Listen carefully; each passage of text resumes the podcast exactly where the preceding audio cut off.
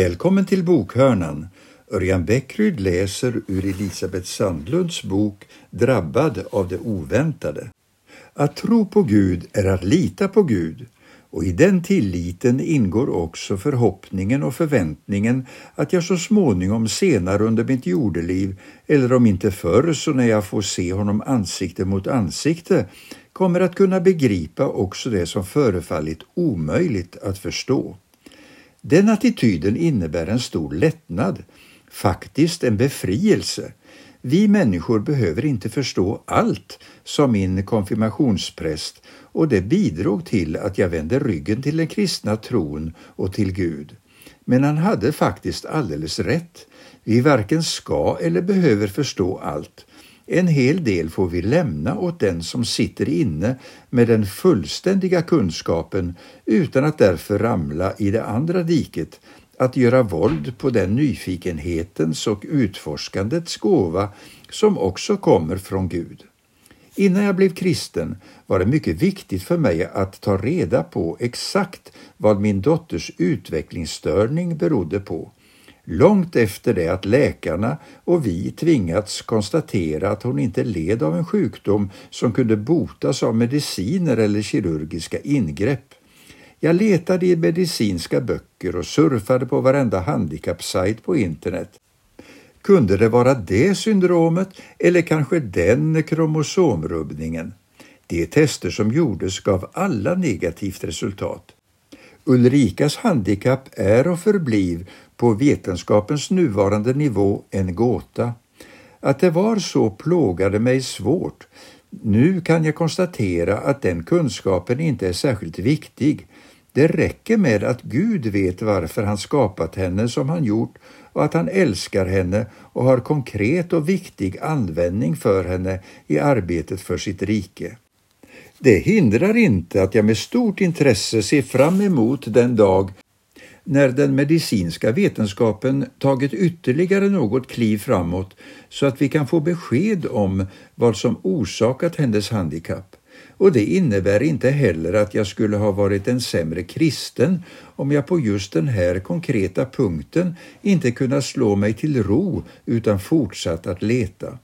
För mig som ägnat mitt liv åt att söka förklaringar och orsakssamband är det dock en stor vila att kunna acceptera att det finns någon, Gud, som sitter inne med svaren oavsett om han väljer att visa mig dem nu, senare eller aldrig. Detta innebär inte att den kristna tron är ologisk eller slumpmässig. Tvärtom upphör jag aldrig att förvånas över den starka inneboende logiken i Bibeln och i de tolkningar som kristna gjort i alla tider. Den kristna tron är, bland mycket annat, ett logiskt sammanhängande tankesystem där trådarna knyts ihop. Det är också därför kristen tro tål tuffa utmaningar och ifrågasättanden. Eftersom Jesus inte bara är stötestenen utan också hörnstenen är den ett bygge som inte låter sig raseras ens av de våldsammaste angrepp utifrån. Det råder ingen brist på intellektuell klarsyn och redbarhet i kristna kretsar, vad än det som står utanför inbillar sig.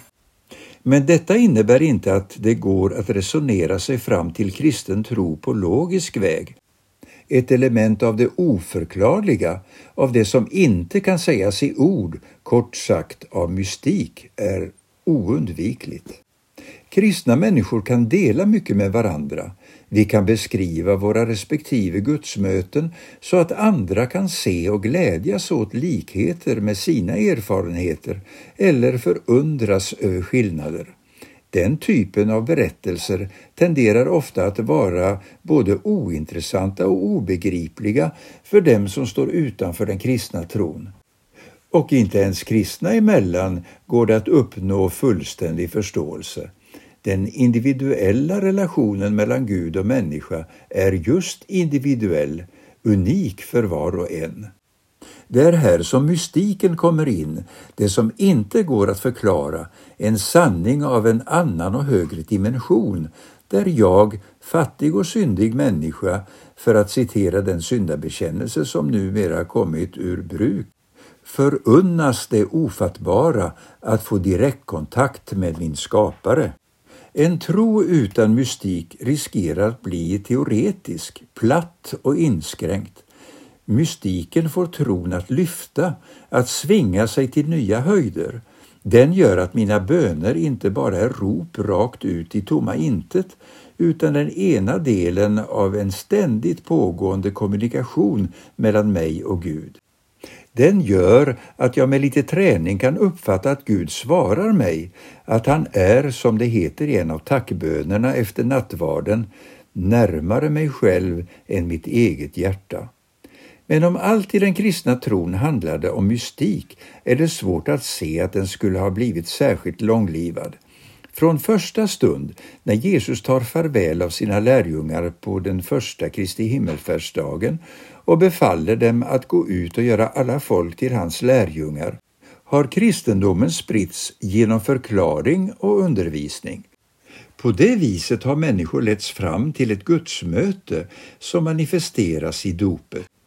Så var det, för att bara ta ett exempel, för den etiopiske hovmannen som bara några år efter det att Jesus korsfästes stötte på evangelisten Filippos på vägen mellan Jerusalem och Gaza. Han sitter i sin vagn och funderar över en svårtolkad passus i profeten Jesaja bok och Filippos tar detta till utgångspunkt för att, som det står i Apostlagärningarnas kapitel 8, förkunna budskapet om Jesus för honom, något som leder fram till att hovmannen ber Filippos att få bli döpt. Det är tveksamt om episoden fått samma förlopp om Filippos istället för att förklara den kristna tron förlorat sig i ett resonemang om att det hela bara handlar om mystik, om något som inte går att sätta ord på. Samma sak gäller idag. Kristen tro är fakta, undervisning, logik. Mötet med Gud, beslutet att säga ja till Jesus, är individuellt och personligt med ett innehåll som är omöjligt att förmedla till tredje person. Det måste helt enkelt upplevas. Sedan kan vi jämföra våra erfarenheter och upplevelser och konstatera att den oföränderlige guden har ett oändligt antal varianter på samma tema för att kunna nå oss var och en som de unika individer han själv har skapat oss till. Att acceptera att det finns någon sorts högre makt i tillvaron eller att uppskatta Jesus enbart som en ovanligt klok människa med sunda etiska principer är inget att förakta. Inte heller finns det anledning att sätta sig på höga hästar och se ner på många människor som samtidigt som de försäkrar att inte på något vis är religiösa ändå gärna går in i kyrkor för att söka stillhet och ro eller utnyttjar kyrkan för förrättningar i glädje och sorg.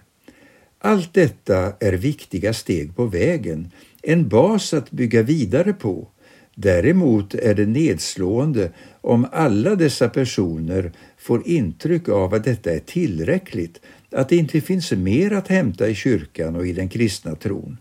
Här har kristna i alla samfund och i alla positioner, vare sig vi är anställda eller lekmän, ett stort ansvar att inte backa tillbaka att inte vara så måna om att visa respekt för andra människors erfarenheter och historia att vi glömmer att våga vara tydliga om vad den kristna tron innebär och erbjuder. Ibland när kristna får frågan om man måste tro på en det ena och en det andra skymtar det fram en hållning som sannolikt är avsedd att återspegla respekt men som i mina ögon uttrycker precis motsatsen. Den tillfrågade antyder att han eller hon inte har några större problem med en kristen tro av traditionellt snitt, med jungfrufödsel eller mirakel eller uppståndelse eller vad det nu kan vara som den frågande har hakat upp sig på. Däremot har han eller hon full förståelse för att andra människor inte kan förstå och ta till sig sådana besvärliga inslag i evangeliet och därmed måste få slippa denna ansträngning. Detta är för mig en uppgiven hållning och närmast att karaktärisera som förakt för den sökande medmänniskan. Det är helt riktigt att det finns massor av tankestoff i den kristna tron som utan närmare förklaringar är främmande för moderna människor. Ett hinder för förståelse är att den rena faktakunskapen om Bibelns innehåll hos dem som är födda på 1960-talet eller senare ofta är bedrövligt tunt. Men detta går att åtgärda med undervisning av det slag som Filippos frimodigt grep sig an i hovmannens vagn. Det kan ta tid och det kan vara mödosamt. Något skäl att låta dem som nalkas den kristna tron nöja sig med något annat än det bästa är det dock inte. Kapitel 4 Hjärta och hjärna I Matteus evangeliets 22 kapitel läser vi Du skall älska Herren din Gud med hela ditt hjärta och med hela din själ och med hela ditt förstånd. Detta är det största och första budet. I en del kristna kretsar talar man om det så kallade 30 centimeters språnget. Då syftar man på det ögonblick när den kristna tron tar steget från hjärnan och landat 30 centimeter längre ner i hjärtat. För egen del upplever jag snarare min väg till kristen tro och min fortsatta vandring som en ständigt pågående pingismatch mellan hjärta och hjärna med en och annan avvikelse ända ner i maggropen. När jag använder den bilden brukar jag få instämmande skratt och nickningar från kristna som lyssnar så jag är övertygad om att jag inte är ensam om den upplevelsen. I mitt fall började Gud med att tala rakt in i mitt hjärta genom att utnyttja ett av de få, kanske det enda tillfället i mitt vuxna liv när mitt intellektuella försvarssystem var tillräckligt mycket satt ur spel för att det han ville säga mig skulle ha en chans att tränga fram. När hjärnan mycket snabbt kopplades in igen var min instinktiva reaktion att göra motstånd, att slå bort det jag inte kunde förneka hade inträffat. Under den ganska korta men mycket olyckliga sökarperiod som följde var jag inriktad på att med förståndet greppa den kristna tron att resonera mig fram till en övertygelse, att återknyta till den allmänbildning i kristen tro som fanns lagrad i hjärnvindlingarna sedan tidigare och uppe i huvudet bearbeta min hållning till trons grundsatser erbjöd inga större problem. Hade någon frågat hade jag sannolikt nöjaktigt kunnat redogöra för innebörden av begrepp som rättfärdiggörelse genom tro eller ställföreträdande lidande. Men inte gjorde det mig lyckligare, snarare tvärtom. Vad som krävdes var att den teoretiska kunskapen skulle få fäste i hjärtat. Till detta behövde jag mänsklig hjälp i form av en insiktsfull och lyhörd förebedjare. Då först släppte krampen och ångesten och avlöstes av frid och lycka. Men det slutade inte här i ett behagligt känslorus. Tvärtom gav den starka upplevelsen av Guds närhet, av att vara omsluten av hans kärlek, näring inte bara åt känslolivet utan även åt intellektet. När jag i hjärtat var övertygad om den kristna trons grundläggande sanningar fick i bearbetningen av dem i hjärnan en ny mening och ett nytt innehåll. Och så där har det fortsatt dag för dag. Även om balansen ibland tycks tippa åt det ena eller andra hållet brukar gungbrädet rätta upp sig. Flera gånger har det hänt att en period där det teoretiska intresset har övervägt har avlösts av en alldeles särskilt påtaglig upplevelse av Gud i en gudstjänst, vid bibelläsningen, när jag har bett det är som han vill säga till mig, visst läs alla de där böckerna, studera vad andra har sagt om mig, dra dina slutsatser, resonera med dina bekanta och med dem som tycker annorlunda. Allt detta är gott och riktigt, men glöm inte vad som är det allra viktigaste.